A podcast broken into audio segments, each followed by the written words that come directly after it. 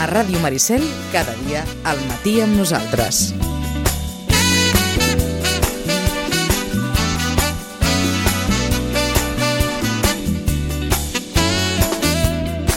I abans de començar, segurament valdrà la pena tornar a recuperar aquella reflexió que cada setmana deixem i que ara té molta, té molta vincle amb les paraules de l'inspector de la policia, Rafael Pino, en aquesta mateixa taula, quan acabàvem la conversa, i ens deia que el que una de les dades que, que els fa més mal és la quantitat de gossos abandonats que hi ha a Sitges, la quantitat de persones que abandonen gossos a Sitges.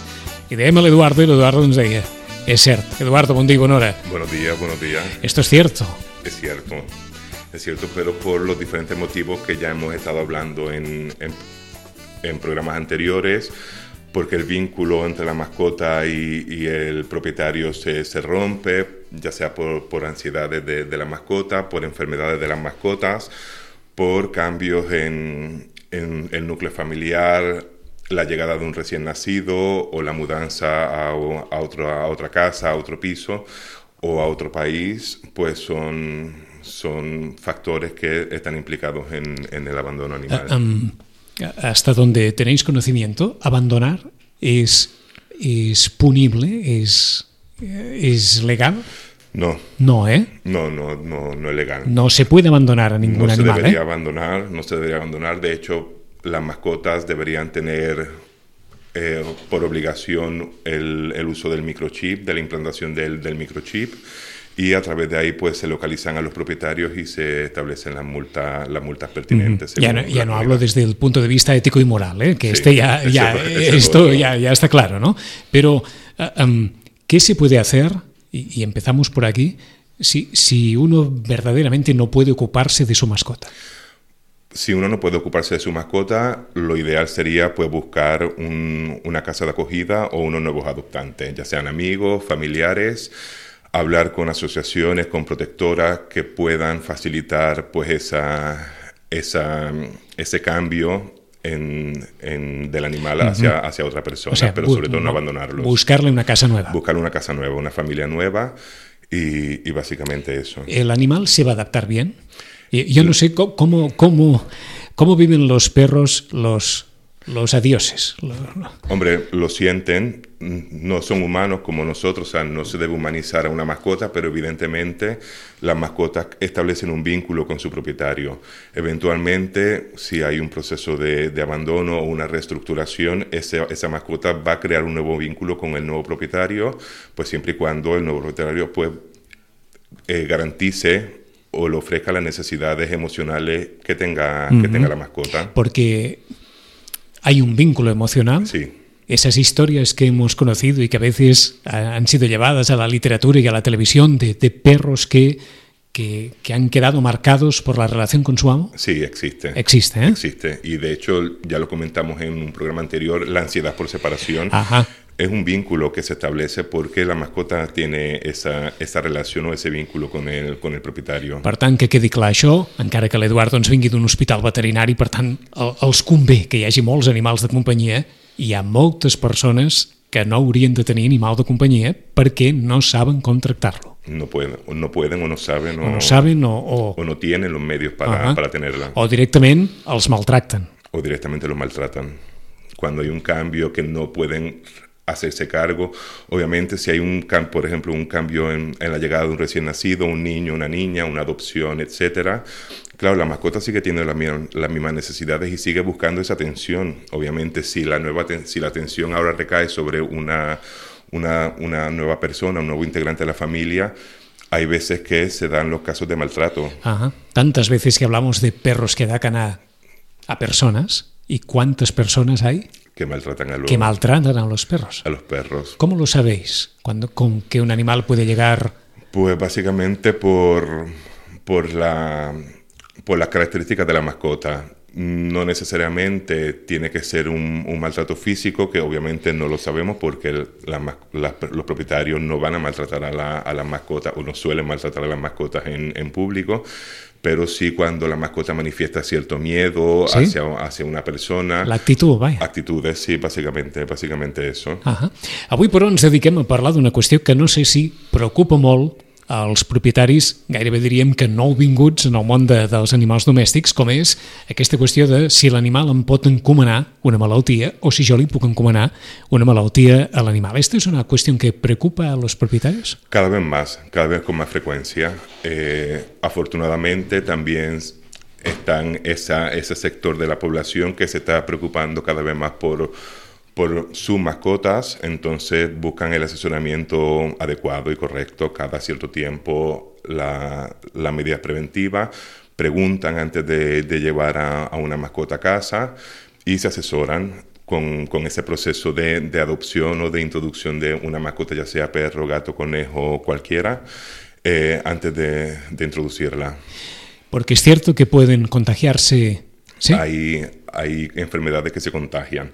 Se llaman zoonosis, ¿vale? Y son enfermedades que se transmiten entre, entre personas y, y animales, bueno, básicamente entre animales y personas. Y son varias, son, son varias. ¿Las más conocidas? La más conocida dentro del ámbito doméstico, entiéndase doméstico como perros, gatos, uh -huh. pues son la leishmania, el toxoplasma, eh, la leptospira, campylobacter, rabia eh, y la listeria, por ejemplo. Y la listeria, esta listeria que hemos conocido y tanto. Sí, sí, son, uh -huh. son enfermedades que son zoonósicas, uh -huh. que se transmiten, un animal enfermo pues las elimina a través de las heces, de la orina, de los esputos, y que por razones o de, de mala higiene o pues desconsideraciones o falta de conocimiento, pues se transmiten a, la, a las personas. De acuerdo, de la leishmaniosis habíamos hablado, pero de estas otras enfermedades no habíamos hablado tanto. No sé. Porque no sé si son, desde el punto de vista sintomatológico, se, se ve a simple vista que, que... No necesariamente se ve a simple vista. Aquí lo importante es que, bueno, hay que entender que estas enfermedades normalmente entran o por el aparato digestivo, eh, normalmente cursan, los síntomas son muy inespecíficos, puede ser un, una gastroenteritis básica por alguna indigestión, también se puede confundir con una parasitosis y bueno, hay que tener, hay que tener cuidado. En salud pública pues se hace mucho hincapié en algunas enfermedades, por ejemplo, en el tema de, la, de las mujeres gestantes, de las mujeres embarazadas con el toxoplasma del gato, esa esa, esa, relación tan negativa que se está estableciendo, que se establece entre que una mujer embarazada no debería tener gatos, por ejemplo. ¿Qué es el toxoplasma? El toxoplasma es un parásito que normalmente el hospedador definitivo es el, es el gato y que se elimina a través de las heces. Entonces es una enfermedad que a nivel de salud pública es importante, sobre todo en las mujeres gestantes, porque pueden desarrollar problemas en el, en el feto, en el crecimiento del feto. ¿Y, y, y cómo se contagia?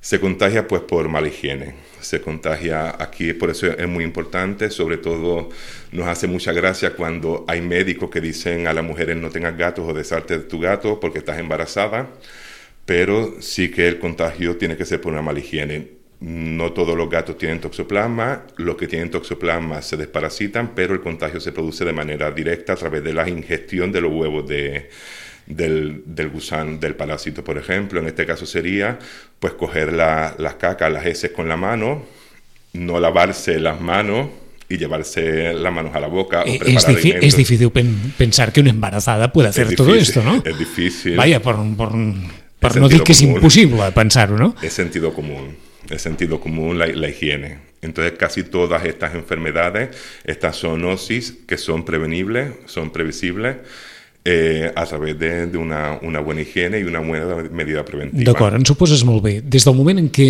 eh, comprem, adquirim una mascota, bé sigui a una, a una gossera, a un centre especialitzat, bé sigui a, a qualsevol indret on legalment se'n puguin vendre, quines obligacions tenim pel que fa a la higiene i a la vacunació d'aquests animals?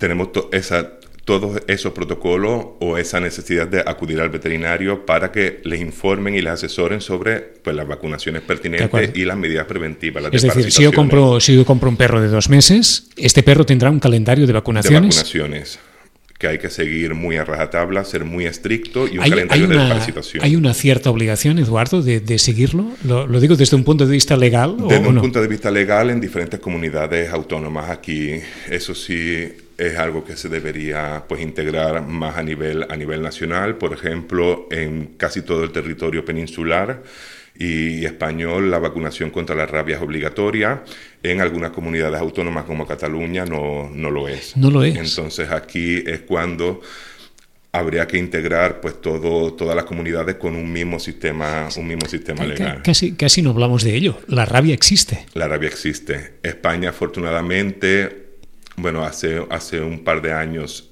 hubo un caso, pero en principio se considera libre de rabia. Aquí lo importante es que la frontera de, de España, esos países que hacen frontera con España, sí, sí que tienen rabia.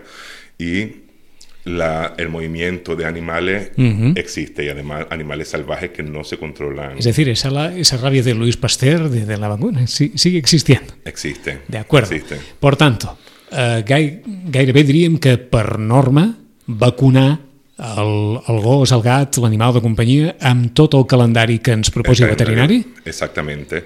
Afortunadamente cada vez existen más estudios eh, las diferentes asociaciones internacionales pues, establecen diferentes protocolos, también se sacan nuevas cepas que se incorporan a la, a la vacuna para haber una, una mejor protecció contra la, la, los virus, bacteris o paràsits. Perquè, com en el cas dels humans, les vacunes duren molt de temps, Eduardo, o s'han d'anar renovant d'una forma paulatina? Se renovan cada, cada año. Bueno, actualmente los nuevos estudios pues indican que hay una prevalencia o, o se mantiene esa protección o esa inmunidad durante, durante dos años. Entonces, estamos modificando ese protocolo pues para eh, cada, cada dos años.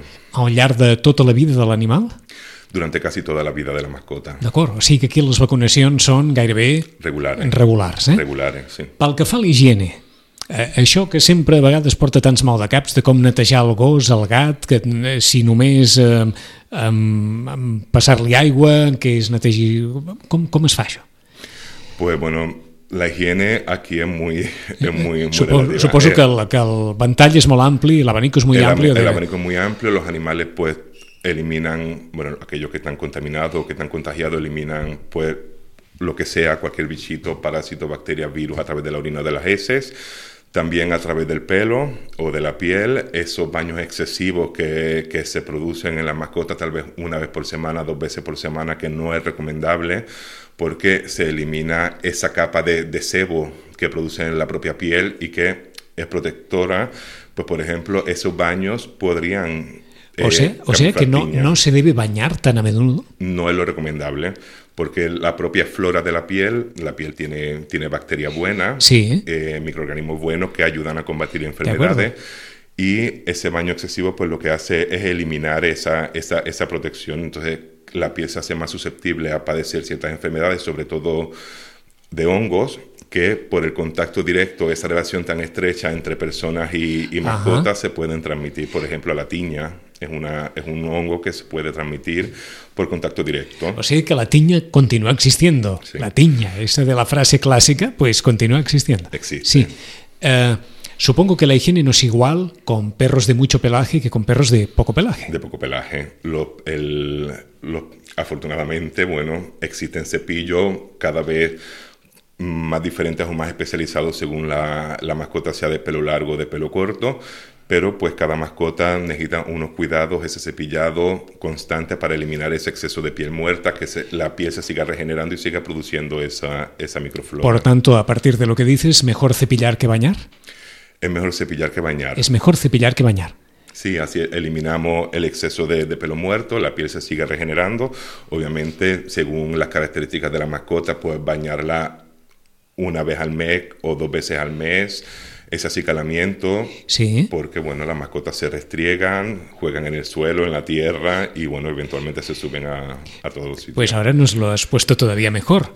Esas personas, sobre todo lo, los pequeños de la casa o las personas que tienen esa tendencia a coger a la mascota, a abrazarla, a llevarla al, al sofá, a acompañarse de ella hasta, hasta en la cama, ¿esto es bueno desde un punto de vista de higiene? Desde un punto de vista de higiene, no. no. Pero si la mascota obviamente está bien cuidada, bien aseada, con los protocolos de vacunas establecidos, las desparasitaciones internas y externas también, no, no tendría por qué haber problema. No hay problema. Esas personas a las cuales les hace especial eh, eh, que llegue el perro y venga, un lametón en la cara. Eso es muy relativo. Esto es muy relativo. Yo no lo recomiendo. A mí personalmente no, pero bueno, es muy es una opinión ya muy, muy Sí, personal. Pero desde el punto de vista profesional, Yo directamente no, porque no. los Eso de dejar se- que el perro te lame la cara toda ella. los animales se saludan oliéndose pues el- la zona perianal, obviamente toda esa zona es susceptible de tener huevo de parásitos que son microscopios, que no Ajá. microscópicos, que no se ven, pues ese ese contacto pues del hocico con la zona perianal de, de otro perro Ujú. y Queda que claro. no lo pongan en, en la cara. O sea que nos eh, puede, nos puede parecer una demostración de cariño De y amor, cariño, que lo es, pero higiénicamente No, es lo peor que, que nos puede no pasar. aceptable. De acuerdo. ¿Qué, qué enfermedades podemos transmitir nosotros a los animales? Pues básicamente, pues, pues la misma. En el caso, por ejemplo, es bastante curioso los hurones, el resfriado que nosotros o la gripe que nosotros tenemos lo podemos contagiar a, a- a los hurones. Supongo que hurones en, en casa poca gente debe tener, ¿no? Cada vez se ve con mayor frecuencia. Ah, ¿sí? Cada vez se ve con mayor frecuencia. Obviamente, pues algunos, algunos parásitos que, bueno, no debería ser frecuente, pero también se podrían, se podrí- se podrían Ajá. ver. Médicamente, nuestra especialidad es prevenir las enfermedades de, lo- de los, de los animales, a animales. las personas. Pero es decir, no es difícil que un perro llegue resfriado por culpa nuestra, es difícil. o que un perro tenga una gripe por culpa nuestra, o que Sí, un eso. perro... Es difícil esto, ¿no? Es difícil. Es difícil. Porque además son muchos virus, muchas, además hay muchas contaminaciones con bacterias que no todas están o no todas son susceptibles de contagiar a, a- a una mascota. Ajá. ¿Esto también depende de las razas, Eduardo? ¿Hay No razas más proclives a, a- a contraer enfermedades que otras? No necesariamente. Hay algunas que sí, sobre todo pues aquellas que son que tienen una selección genética muy, muy importante o que han sido durante su proceso de domesticación muy seleccionadas genéticamente y un sistema inmunitario un poquito más débil, pero hay la mayoría de las enfermedades víricas, bacterianas, fúngicas o parasitarias, no, no suele haber una tendencia a padecerse cierta determinada raza. Y una última, cuando nos hablan de collares antiparasitarios y de su eficacia, ¿estos collares para qué sirven? Eh, bueno, tienen la eficacia es bastante, es bastante alta. Obviamente nada es 100% eficaz. Normalmente recomendamos utilizar dos medidas, pero los collares antiparasitarios básicamente sirven para los parásitos externos y para el mosquito que transmite la leishmania. Eh, pulga, garrapata, eh, mosquito. Eh, los parásitos internos es otra medida, es otra medida, suelen ser, suelen ser pastillas. En el caso de los gatos también hay alguna, hay alguna pipeta que también protege contra los parásitos internos, pero normalmente los collares, los collares son para, para parásitos externos. Pues encara es tiene una mica d'eufil. Esa garrapata que puede tener un perro y que podemos encontrar... "Ah, ¿Qué pasa? ¿Qué pasa aquí? ¿La podemos quitar? Eh, ¿Quitar en, en qué sentido? ¿En qué- Arrancarla. ¿Arrancarla? Se puede arrancar, lo que pasa es que la, la anatomía y la fisiología de la garrapata hace que se, se enganche muy, muy, muy en la mascota. Si la arrancamos estando viva, la cabeza se va a quedar, normalmente se queda dentro de, dentro de la mascota, produciendo eventualmente un granuloma y posiblemente una infección. De acuerdo. Lo ideal sería pues arrancarla o quitarla cuando esté muerta. Si vemos una garrapata, señal que hay más. Puede haber más, puede haber más, puede haberla con- co- contraído en la calle o puede estar en casa. y lo importante es que las garrapatas transmiten enfermedades, es un vehículo de, de transmisión de enfermedades, por ejemplo, la enfermedad de Lyme, aquella que pasó Talía hace, hace unos cuantos años, Sí. que se transmite por garrapata. De acuerdo. O sea que si vemos una garrapata, lo mejor al veterinario y no, y mejor no es- intentar... Lo mejor es ir al veterinario, comprar una pastilla que, que las mate y pues asear la casa, higienizar la casa eventualmente. Doncs aquests són alguns dels consells, sobretot les vacunes, la vacunació, aquest programa de vacunes des que tenim l'animal domèstic a casa és quelcom fonamental per mantenir la vacuna i la higiene, per mantenir l'animal tranquil i nosaltres també. Sí. Eduardo, gracias de nuevo. Nada, gracias a ustedes.